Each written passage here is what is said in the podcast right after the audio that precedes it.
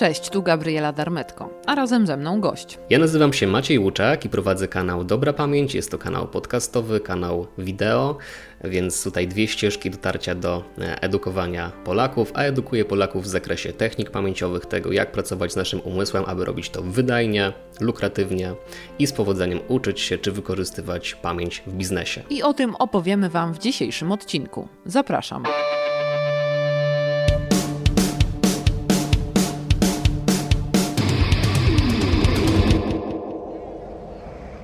Wyobraźmy sobie, że jesteśmy gdzieś w centrum miasta. Mamy awaryjną sytuację, bo zgubiliśmy klucze do samochodu. Razem z nimi były klucze do domu. Na dodatek rozładował nam się telefon. Jesteśmy sami, ale wokół pełno ludzi. Na pewno ktoś nam pomoże i pożyczy telefon, żeby zadzwonić do rodziny, która przecież ma zapasowe klucze do naszego mieszkania. Ale jest jeszcze jeden problem. Nie pamiętamy do nikogo numeru.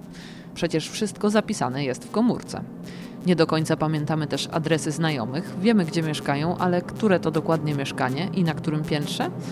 A może uda nam się podładować telefon? Okej, okay, ale jaki jest PIN? Przecież telefonu nie wyłączaliśmy od nowości. Kod abonencki, żeby odblokować PIN u operatora? Mm-mm, czarna dziura.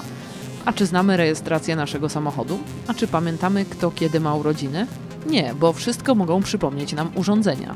A jak nie ma urządzeń, stajemy się bezradni a nasza pamięć nieużywana też zaczyna działać coraz gorzej. Tak, ludzie narzekają na swoją pamięć, ale w gruncie rzeczy to nie o pamięć chodzi. Chodzi bardziej o to, że my nie potrafimy się koncentrować na co dzień i żeby pracować z pamięcią, tak naprawdę trzeba też umieć pracować z innymi zdolnościami poznawczymi. Najbardziej właśnie chodzi o koncentrację, czyli w momencie, gdy my jesteśmy w stanie nieco podrasować naszą zdolność koncentracji na co dzień, w pracy czy, czy w domu, to się okazuje, że nagle ta pamięć staje się naturalnie bardzo dobra i jesteśmy w stanie zarządzać nią na właściwym poziomie. Koncentracja to coś, czego większość z nas nie doświadczyła od dawna, bo przecież nawet jeśli czytamy książkę, to telefon leży obok, a w czasie pracy skrzynka mailowa jest otwarta. Co nam szkodzi odpisać komuś na Messengerze, kiedy oglądamy serial, czy sprawdzić powiadomienia z Instagrama podczas obiadu.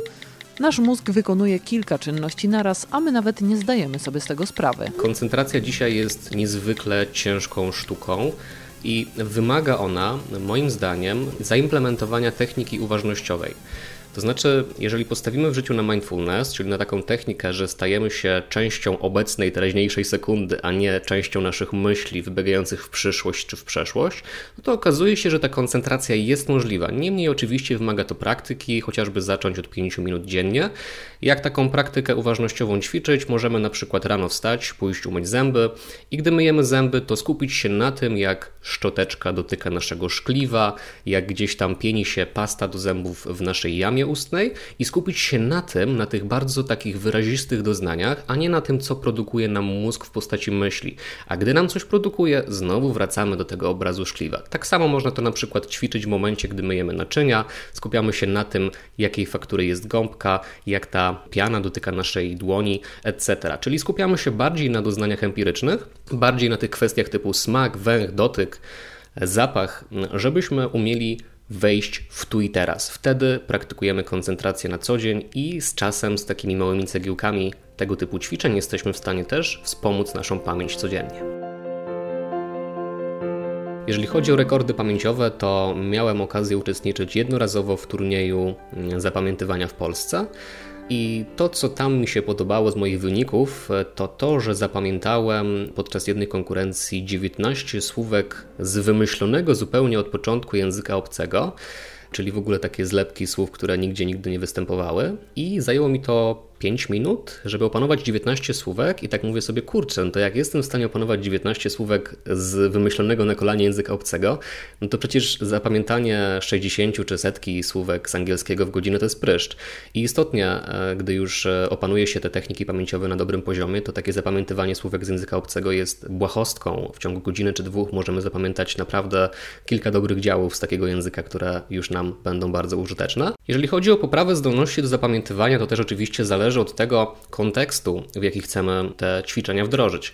Ja specjalizuję się zwłaszcza w kontekście edukacyjnym i jeżeli chodzi o kontekst edukacyjny, to też zauważam spore benefity w uczeniu się. Ja prywatnie, gdy wdrożyłem u siebie tak zwane mnemotechniki, czyli techniki zapamiętywania na studiach, to po pierwszym, drugim, trzecim użyciu zacząłem osiągać takie stopnie z kolosów, z egzaminów, które miałem, że stypendium rektora nie było dla mnie żadnym problemem i okazuje się, że gdy zacząłem opowiadać o tym innym osobom, też się okazało, że nie ma z tym najmniejszego problemu. Polega to na tym, że my współpracujemy z nieco innymi obszarami mózgu niż osoby, które tych mnemotechnik nie znają, chociażby z pamięcią przestrzenną, chociażby wdrażamy większą ilość obrazów. Gdy komunikujemy się z mózgiem przy pomocy skojarzeń, przy pomocy właśnie tej pamięci przestrzennej podczas uczenia się, no to się okazuje, że ta wiedza szybciej wchodzi, że jest troszeczkę zabawniej uczyć się w ten sposób, przez to staje się to mniej nudne i tak naprawdę jesteśmy w stanie chociażby na tej płaszczyźnie edukacyjnej, jak tutaj posługuję się przykładem, bardzo, bardzo tę pamięć poprawić. Chociażby zapamiętywanie imion, to się też wydaje niby błahe, ale w momencie, gdy ja bym był teraz na jakimś bankiecie z panią chociażby, tak, i uczylibyśmy się tych technik pamięciowych wcześniej, to ja byłbym w stanie zapamiętać pani imię, jakieś pani zainteresowania, a potem poznaję pani kolegę, koleżankę i znowu zapamiętuję tej osoby imię, zainteresowania. I kilka osób, które na tym bankiecie spotkałem, jestem w stanie o nich powiedzieć bardzo dużo już po kilku minutach rozmowy, zapamiętać też sporo informacji. A proszę zauważyć, że my dzisiaj mamy taką tendencję, że jak jesteśmy na imprezie i poznamy mamy 3-4 nowe osoby, to po tych 3-5 minutach już nie pamiętamy w ogóle ich imion, nie wiemy w ogóle gdzie my jesteśmy i po co. I taka technika chociażby zapamiętywania imion już bardzo, bardzo zmienia postać rzeczy.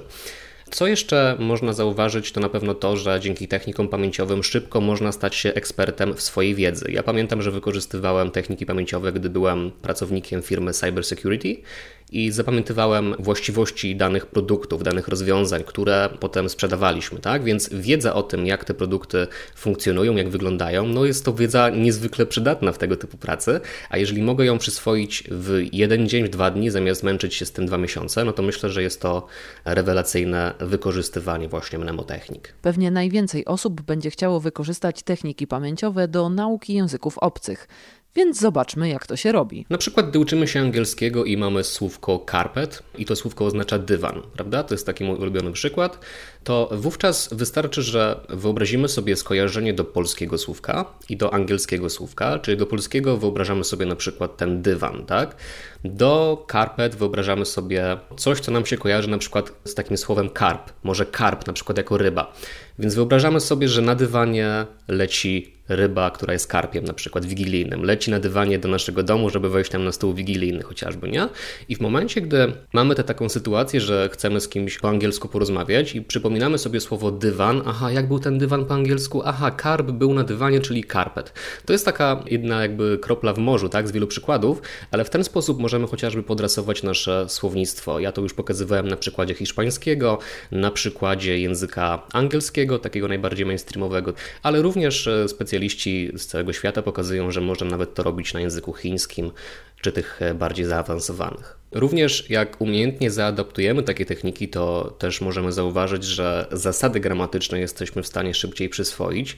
No bo chociażby takie proste techniki rymowe, które ja do dzisiaj pamiętam, że gdy pojawia się das, to s ucieka w las w języku angielskim chociażby, tak? No to są takie bardzo proste, wydawałoby się rymowanki, a ja do teraz jestem w stanie przypomnieć sobie pewne zasady gramatyczne, których uczyłem się e, w okresie szkolnym, więc to działa, mózg to lubi i jak najbardziej jesteśmy w stanie to przyspieszyć. Wiedza wiedza na temat tego, jak pracuje nasz mózg, to jest wiedza, która poprawia efektywność, poprawia szybkość i w gruncie rzeczy na resztę życia jest to bardzo lukratywna wiedza. Warto też zainwestować w pałac, a dokładnie w pałac pamięci. Pałac pamięci to jest właśnie technika oparta na zarządzaniu pamięcią przestrzenną, bo jak się okazało, pewne badania pokazały, że jak się wzięło pod lupę sportowców pamięciowych, którzy zapamiętują tysiące cyfr, liczby pi na przykład, tak, czy jakieś tysiące ilości danych w krótkim czasie, to oni podczas takiego badania mają świecące obszary mózgu jakby w takim zupełnie innej, w innej konfiguracji niż taka osoba, która się nie uczy tych technik pamięciowych, bo właśnie ta pamięć przestrzenna jest tam wyraźnie, wyraźnie świecąca się, mówiąc takim żargonem laika.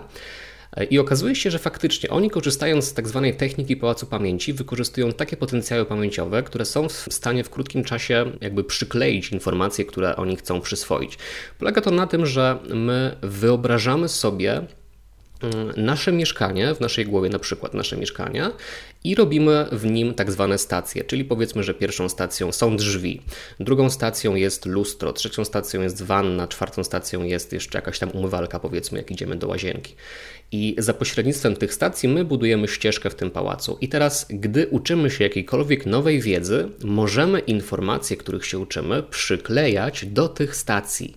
I w momencie, gdy chronologicznie sobie tę ścieżkę, drzwi e, i kolejne meble odtwarzamy, to się okazuje, że my jesteśmy w stanie szybko te informacje wydobyć z tej pamięci, ponieważ świetnie pamiętamy ścieżkę w naszym mieszkaniu. Bo jak e, zarówno pani, jak i ja sobie przypomnimy nasze różne mieszkania, w których mieszkaliśmy w ciągu naszego życia, to się okazuje, że pamiętamy z nich wiele fajnych informacji, jakieś imprezy, jak oglądaliśmy seriale, zajadając się lodami, etc. I okazuje się, że gdy zamienimy te informacje, gdy jedliśmy lody na informacje z naszego podręcznika, to efekt jest ten sam. Pamiętamy to świetnie. Także Pałac Pamięci jest techniką rewolucyjną. W moim życiu to zmieniło ogromnie dużo i chciałbym właśnie, żeby zmieniało też w życiu innych ludzi.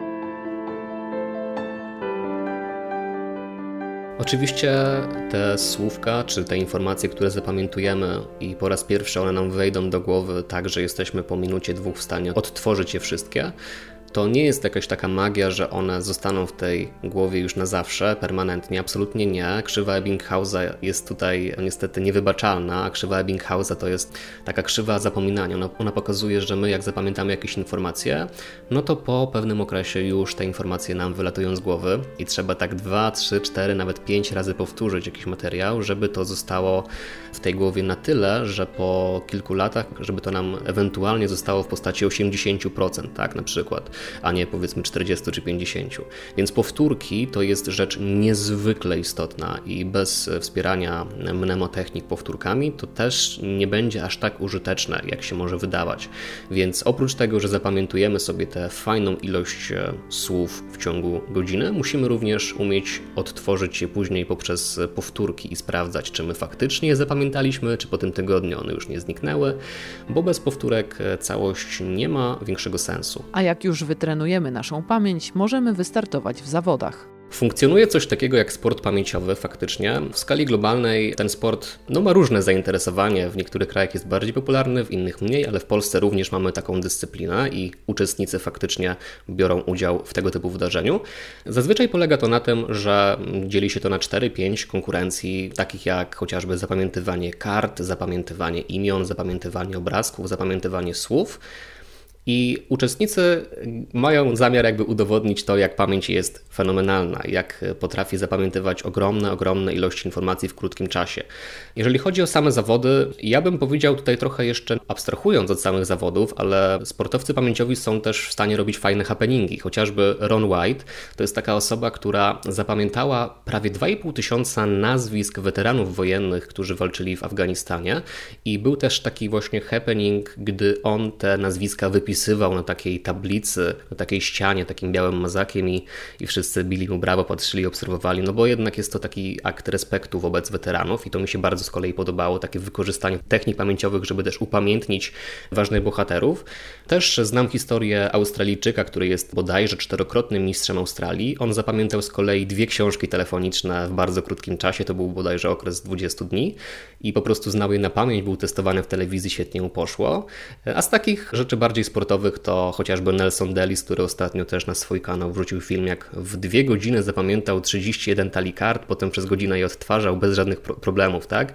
Więc rolą według mnie tych sportowców pamięciowych jest pokazywanie tego, jak fenomenalną pamięcią my dysponujemy, gdy tylko jesteśmy w stanie odpowiednio ją wyćwiczyć, dojść do jej potencjału, a nie jest to trudne i można to robić naturalnymi sposobami, to jest chyba najważniejsze i najciekawsze, że wcale farmakologia nam nie jest potrzebna, wystarczy znaleźć odpowiednie naturalne techniki.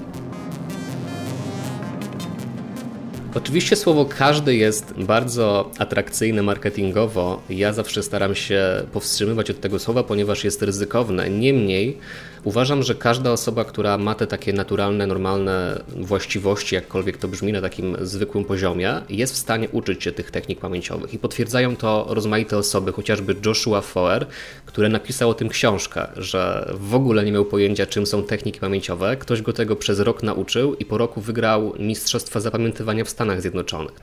Więc w bardzo krótkim czasie wzrósł, wzrosła jego pamięć niewyobrażalnie. I Tak jak Joshua Fowler, tak samo my jesteśmy w stanie opanować te techniki i zacząć je wykorzystywać w życiu codziennym i zauważyć, zauważyć potencjał naszej pamięci. Z tym, że oczywiście wymaga to też odpowiedniego podejścia. Tak samo jak i do wszystkiego. Jak idziemy na siłownię, nie możemy zakładać, że a my to jesteśmy do kitu, gdy ćwiczymy i podnosimy ciężary. Gdy zaczynamy jeździć na deskorolce, nie możemy mówić, że a my to na tej desce i tak sobie nie poradzimy. I tak samo, gdy zaczynamy pracę z technikami pamięciowymi, nie możemy mówić, że pamięć jest do kitu, że koncentracja to w ogóle coś, czego nie potrafimy robić. Musimy trochę zmienić naszą postawę. Gdy ta postawa będzie bardziej otwarta na takie ciekawostki, jak właśnie techniki pamięciowe, to wtedy będzie nam łatwiej w to wejść i ja gwarantuję, że jak da się trochę szansy tym strategiom, to efekty są niewyobrażalnie interesujące. I myślę, że też małe kroki mogą pomóc, czyli powoli, powoli, powoli, pracowanie najpierw z małą ilością materiału, potem z większą i jak się stopniowo zwiększy ten materiał, to z czasem zauważa się fajne efekty. Ja myślę, że w kontekście wieku to bardziej może chodzić o aktywności, bo jednak ludzie młodzi, no to zwykle są też od razu tożsami z ludźmi aktywnymi, że my uprawiamy te aktywności codziennie, typu właśnie sporty, czy chodzenie na uczelnię, tak, gdzie, gdzie, gdzie ten umysł jest tu jest potrzebny. Ludzie starsi już jednak czasami mamy ten stereotyp w głowie, że siedzą i oglądają telewizor, więc wykonują same te takie bierne czynności z najbardziej biernych. Niemniej, gdy ludzie starsi wzbogacają swoje życie o też takie aktywności jak sport, jak dobra dieta, jak e, takie aktywności umysłowe, czy chociażby zwykłe sudoku co jakiś czas, oczywiście też miksowane z, innymi rzeczami, bo samo sudoku to może być za mało, to się okazuje, że też mogą zadbać o właściwą kondycję swojego umysłu. Nawet ostatnio czytałem badania o tym, że jest taka gra komputerowa, która potrafi trochę odmłodzić mózg starszym osobom. Jeżeli się odpowiednią ilość czasu poświęci na to, żeby w nią troszeczkę pograć, więc oczywiście ludzie starsi również mogą dbać o kondycję umysłową. Też znam osoby, które się w tym specjalizują, organizują takie terapie, nawet organizują takie spotkania grupowe, żeby te umysły seniorów naszych e, wspaniałych poprawiać i jak najbardziej jest to możliwe. Dziękuję za wysłuchanie tego odcinka. Zapraszam na Facebooka oraz Instagram, gdzie znajdziecie mnie pod hasłem Gabriela Darmetko Podcast. Tam pojawiają się zapowiedzi kolejnych odcinków oraz sekrety dziennikarskiej pracy od kuchni. Do usłyszenia.